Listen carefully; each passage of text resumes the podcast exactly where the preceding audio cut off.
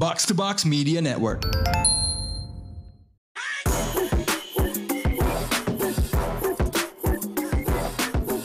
What up, what up? You're now listening to the most valuable basketball podcast in Indonesia. Box Out is in the house. Bersama gue Bindra Pradika. Kali ini gue monolog yang satu dan lain hal. Cuman kita mau bahas tentang preview NBA Finals antara Denver Nuggets dan Miami Heat. Let's go. Oke, seperti yang lo semua tahu, Denver Nuggets setelah menunggu seminggu akan melawan Miami Heat uh, besok di hari Jumat game 1. Uh, ini pertarungan antara seed 1 di West ya fair ya tim terbaik regular season they took care of their job in the playoffs as well beating Minnesota Timberwolves uh, four games to one di first round mengalahin Phoenix Suns uh, 4-2 lalu juga menyingkirkan Lakers 4-0 lalu sweep di conference finals pertama kali Denver masuk NBA Finals ya dalam sejarah mereka uh, akan melawan 8 seeded Miami Heat yang berhasil menyingkirkan uh, Milwaukee Bucks 4 games to 1 di first round. Lalu mereka mengalahkan New York Knicks 4-2 conference semifinals. Lalu menyingkirkan Boston Celtics uh, 4 games to 3 di game 7 dan mereka menjadi seed 8 pertama sejak New York Knicks di tahun 99 yang berhasil mencapai NBA Finals. So kudos to the Miami Heat ini juga menjadi 78 musim berturut-turut ada pemain yang pernah atau sedang bermain untuk New York Knicks tampil di final. Dari pertama kali NBA dibuat selalu ada ex pemain Knicks uh, tampil di final ya. Uh, kali ini itu akan diwakilkan oleh di Andre Jordan yang bermain untuk New York Knicks di tahun 2018-2019. So history not broken. Terima kasih kepada Kevin Booth yang mengontrak DeAndre Jordan walaupun semua orang bertanya-tanya buat apa mengontrak DeAndre Jordan tapi ternyata ada gunanya juga untuk sejarah. Oke, masuk ke bagian yang cukup penting sekarang ya setelah membahas sejarah dan membahas how did they get here. Denver Nuggets itu sendiri dipimpin oleh Nikola Jokic um, averaging a triple double in the NBA playoffs. Uh, lalu juga ada Jamal Murray, the electric scorer yang menjadi complementary piece yang cukup bukan cukup sangat baik bagi Nikola Jokic di playoffs ini. And we also have Aaron Gordon di defensive stopper, uh, MPJ di yin to the yang of Aaron Gordon. Kalau Aaron Gordon itu defensive stopper, MPJ itu adalah knockdown shooter yang sangat-sangat berguna untuk offense Denver Nuggets. Ditambah pemain 3D kayak seperti Kentavious Caldwell Pope, uh, Bruce Brown, and then also Jeff Green and Christian Brown of the bench. Uh, the Denver Nuggets uh, are a really really solid bunch mereka harus melawan Jimmy Butler dan Bam Adebayo, mungkin the best defensive duo in the league currently. Dan dibantu juga oleh role players yang penting, Scale Parton, Duncan Robinson, Gabe Vincent, dan Max Strus. Uh, kita panggil mereka dengan the undrafted karena mereka tidak masuk NBA draft, tidak terpilih dalam NBA draft, tapi mereka dari bermain di G League, bermain di top tim lain, bermain untuk Summer League. Um, lalu juga ada beberapa veteran presence uh, seperti Kyle Lowry, uh, Kevin Love dan juga The OG meskipun mungkin tidak akan main ya di NBA Finals ini Udonis Haslem uh, musim ke-20 dan juga rumornya Tyler Hero pemenang Six Man of the Year tahun lalu itu akan kembali di game 3 setelah mencederai tangannya di game 1 melawan Bucks Uh, he's gonna be back, uh, giving Miami a scoring punch off the bench mungkin nanti ya. We never, we don't know yet. Apakah Eric Spoelstra akan langsung memasukkan dia ke starting lineup, which I don't think he will.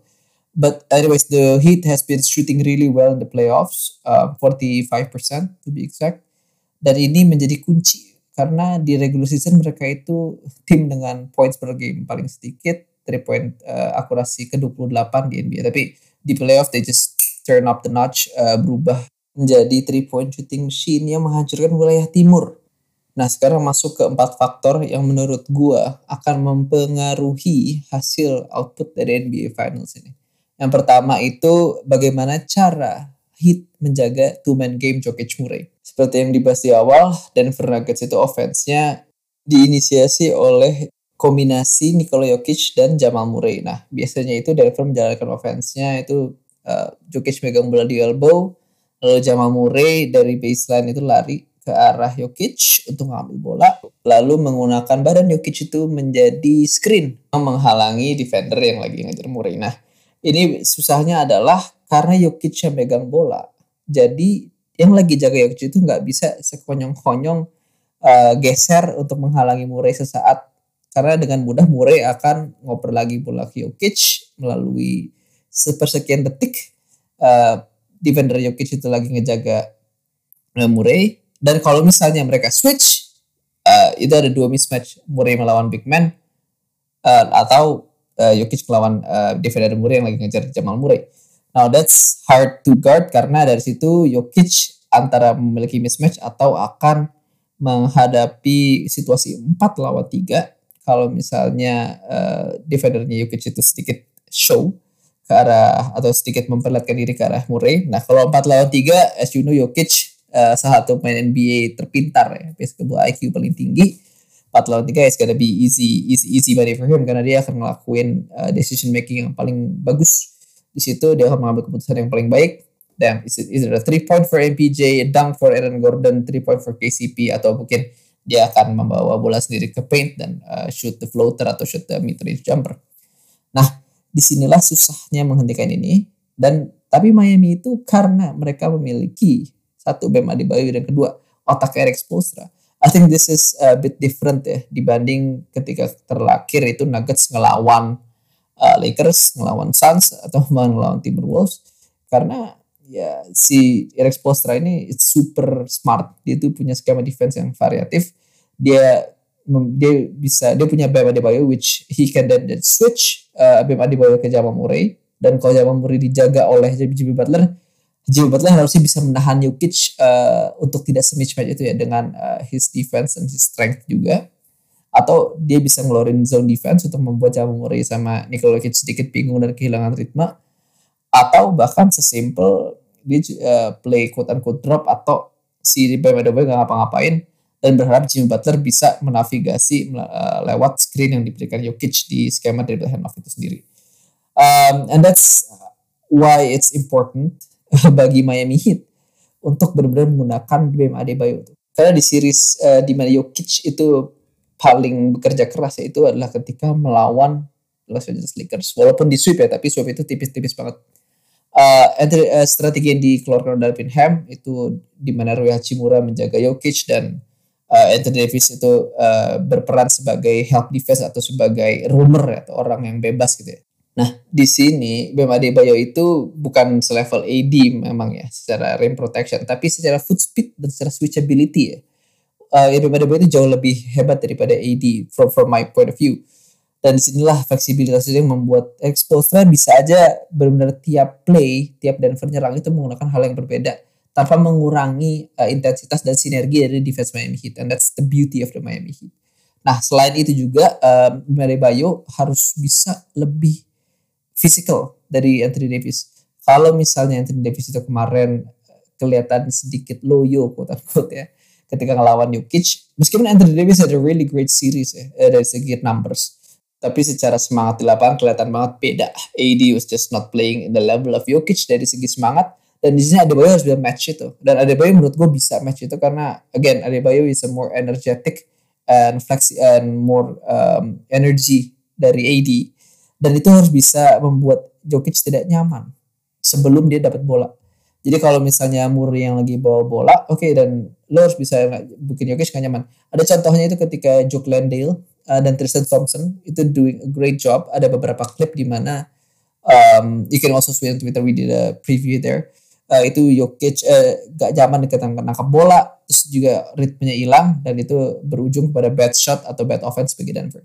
Nah, Bam Adebayo can do the same dan juga switch. Jadi kalau Landale sama Tristan terbatas ya, hanya bisa physical, AD bisa rim protection and Bam Adebayo is a combination of this walaupun nggak se to the level of uh, AD in the reputation point nggak nggak selevel di di tiga pemain. Tapi it's a little bit of a combination of all both.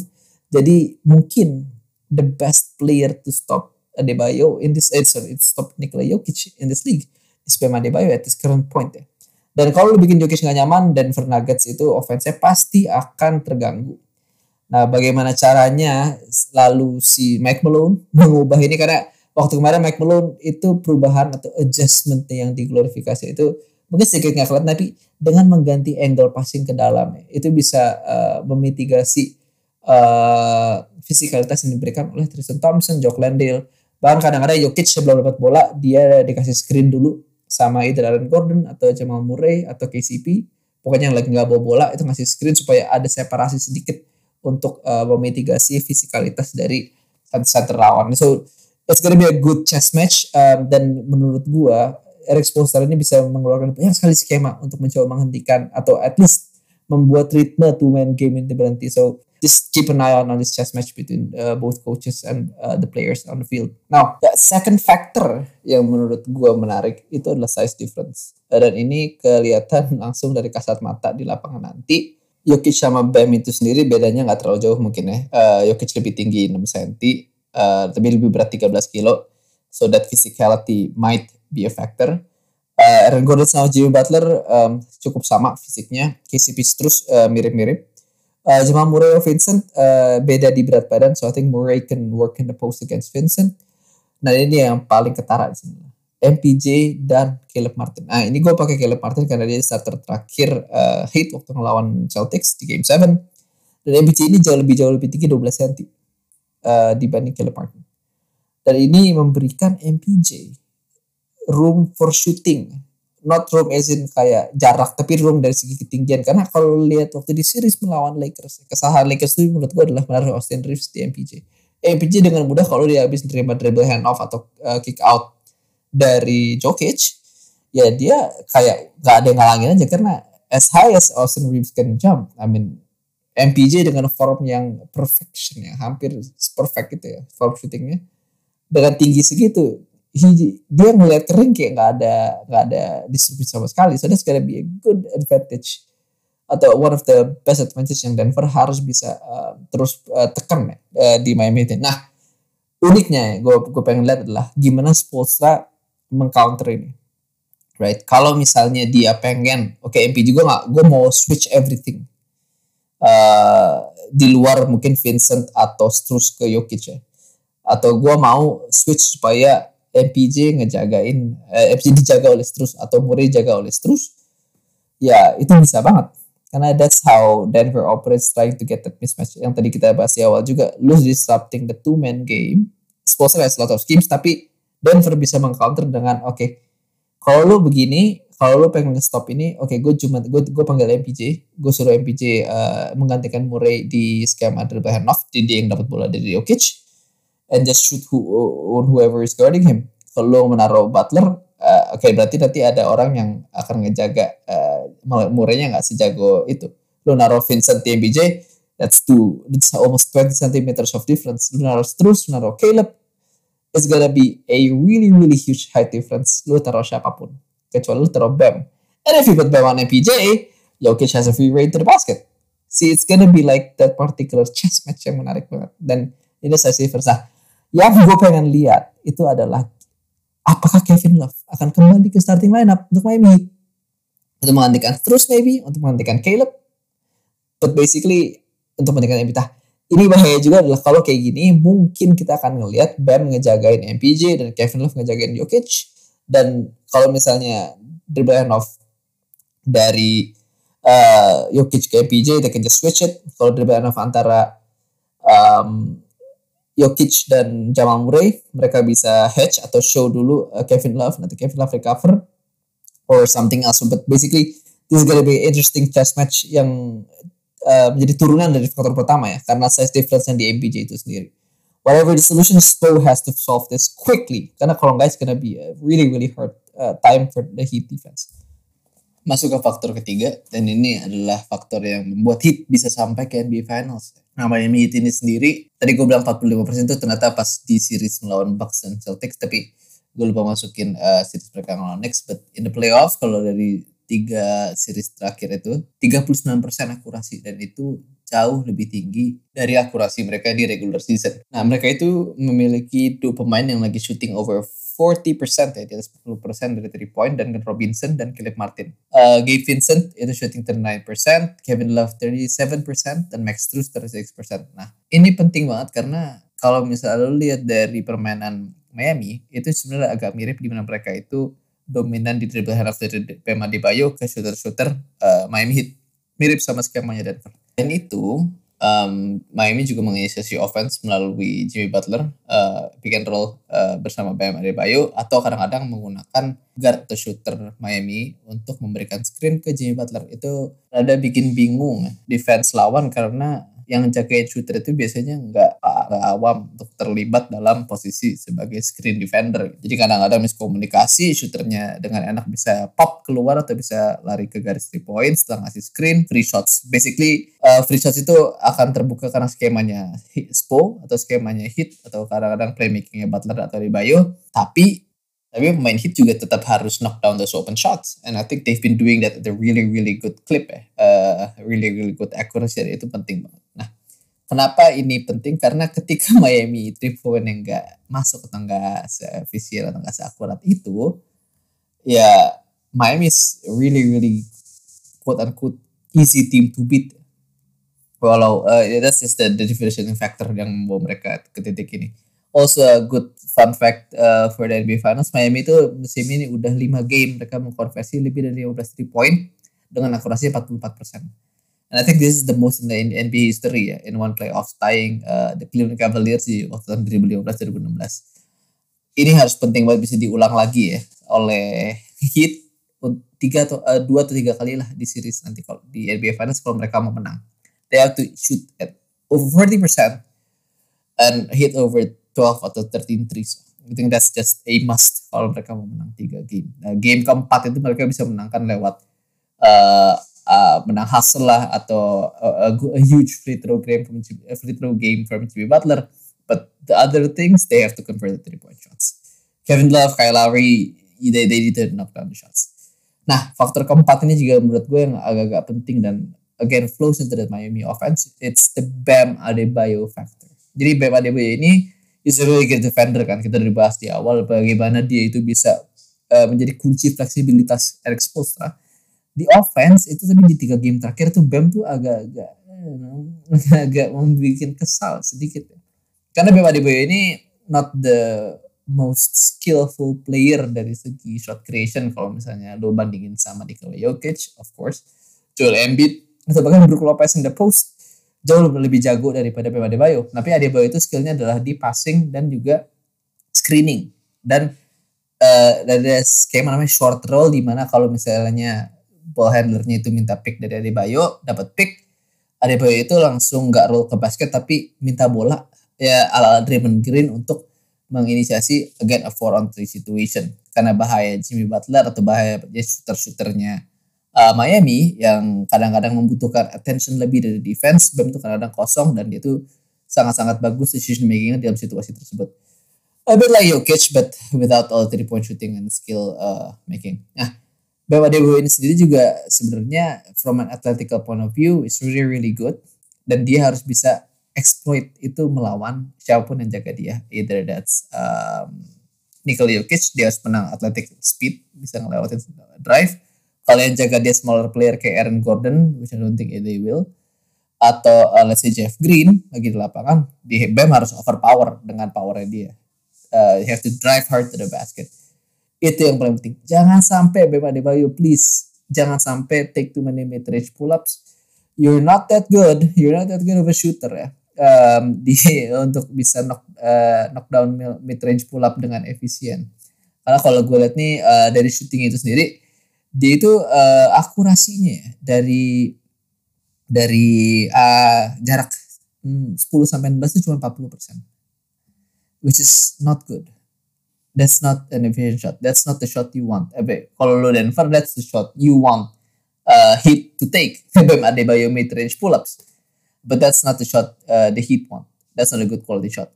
Bam harus fokus di drive. Karena kalau misalnya Bam fokus di drive dan fokus di uh, that paint shots atau floaters atau um, in the layups dan Denver harus quote unquote respect atau harus mengantisipasi itu, itu membuka banyak banget. Kalau misalnya jagain Bam itu lah Jokic, Jokic harus drop. Karena kalau enggak Jokic akan gampang dilewatin. Kalau Jokic drop, Miami bisa jalan dribble hand off, Bam ngasih ke shooter-shooter Miami, dan shooter Miami akan punya space lebih karena Jokic is, drop. Jadi those kind of uh, schematic snowball effect yang membuat hit itu bisa dapat banget ininya uh, lots of options. Atau kalau di pick and roll lu ngetrap si uh, lu ngetrap si siapa namanya itu? Si ball handlernya Bam dapat bola ya Bam harus drive to the basket. Bam harus look to score from close to the basket. Jangan settle for the mid range shots. Ya sekali-kali boleh lah but not uh, kayak shot shot dietnya atau uh, rasio shootnya itu dari mid range harus dikecilin banget. You have to change your shot that if you're Bam Adebayo. Nah faktor terakhir ya, yang menurut gue agak unik, tapi gue gak akan bahas terlalu banyak, itu adalah zone defense-nya Miami. Karena uh, ini adalah salah satu uh, apa ya skema yang sering dilakukan Spolstra kalau misalnya Duncan Robinson itu ada di lapangan ya, atau ada defensive liability lain karena Kevin Love. Kalau misalnya ada defensive liability atau kekurangan atau pemain yang kekurangan defense-nya cukup mencolok, Itu akan mengeluarkan 2-3 defense atau bahkan kadang-kadang nggak usah ada yang mencolok ya. Kalau misalnya dia pengen nyetop uh, atau pengen menghentikan momentum offense lawan, dia pasti langsung defense-nya uh, pakai zone karena lawan harus mengganti cara mereka bermain. Mereka harus mikir Oke, okay, then how do we counter the zone? Itu butuh 2, 3, 4 possession. Dan by then, the Miami Heat would have scored like, one know, 6 to 8 points. Tapi, lawan di NBA atau pemain di NBA yang paling jago ngelawan zone itu adalah Nikola Jokic dan Denver Nuggets. They lead the league in points against the zone in playoffs in regular season. Jadi, gue gak tahu apakah Spolstra akan mengganti zone dari 2-3 menjadi 1-2-2 atau bahkan 1-2-1-1 it's gonna be something that's gonna be super unique. Apakah kan they, uh, or will they go box one like the Warriors did to stop Jokic? Um, it's gonna be super interesting how Eric Spoelstra and Mike Malone and Nikola Jokic are gonna face off eh dari segi uh, this zone particular zone. Itu pasti akan terjadi mungkin 2-3 menit atau atau mungkin around 10 to 15 possessions lah uh, in, in the game. So it's gonna be interesting. Um, so yeah, that's gonna be like the key key factors uh, from the schematics of the game. Ada juga expected expected lain ya, yang kalau misalnya dari Miami, uh, the undrafted, Caleb Strus, Gabe, sama dengan Robinson harus bisa play all round sama hustle and give uh, everything that they can. Ada satu quote yang gue suka banget dari Expostra. Um, keep ya apa keep hurting atau terus usaha sampai lo apa yang lo mau. That's just embodiment dari Miami culture banget. Um, ada expecter juga yang lain Kevin Love how is he gonna perform in the series apakah dia akan jadi defensive, defensive liability atau jadi three point threat yang menghancurkan defense lawan kayak lawan Bucks also Mr. Tyler Hero um, balik dari cedera rumornya game 3 akan kembali is he gonna be rusty apakah dia akan kehilangan ritme apakah dia langsung nyetel apakah dia akan menghancurkan momentum yang dimiliki oleh Heat atau rotasi yang udah udah saklek nih dalam beberapa game terakhir. So it's gonna be it's gonna be interesting how Eric Spoelstra is gonna integrate Hero back to the rotation or to the game. Dari Denver uh, yang pasti expected adalah the 3 and Ds, Brown, KCP, and Aaron Gordon. Uh, again, KCP yang kita sebut 40% from 3. Uh, Brown sama Gordon masih 30, low 30%. Tapi Brown sama Gordon ini jago uh, finishing around the rim.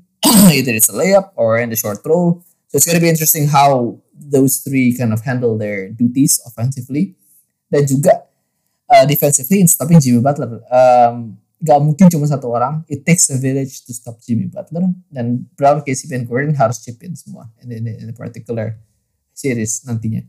So um, seeing that uh, banyak orang ya kalau dari betting atau dari analis, analis atau dari um, ESPN dari mana pasti akan menjauhin Denver. And I think ya Denver di atas kertas emang jauh lebih bagus sih. Tapi come on man, it's, it's Miami Heat. It's Eric Spoelstra kalau lu ibaratin Denver Nuggets itu offensive machine yang uh, punya banyak banget amunisi yang bisa nyerang dari kanan, kiri, atas, bawah. Gue tuh akan menganalogikan defense Miami itu kayak sebuah tokoh di X-Men namanya Darwin. He can adapt to anything. Dia bisa survive in anything. Walaupun di film dia akhirnya mati karena di uh, masukin energi mulutnya sama uh, the bad guy I forgot his name. But Darwin ini he can adapt to anything. Dan that's the Miami Heat defense. Lu mau nyerang dari mana pun, nyerang pakai apa pun. They're gonna adapt. They can adapt. Poin terakhir tadi menutup uh, preview Denver Nuggets versus Miami Heat NBA Finals episode. Kalau lu punya opini lain atau gimana, tulis di kolom komentar di IG kita at Indonesia and yeah, let's enjoy the NBA Finals guys.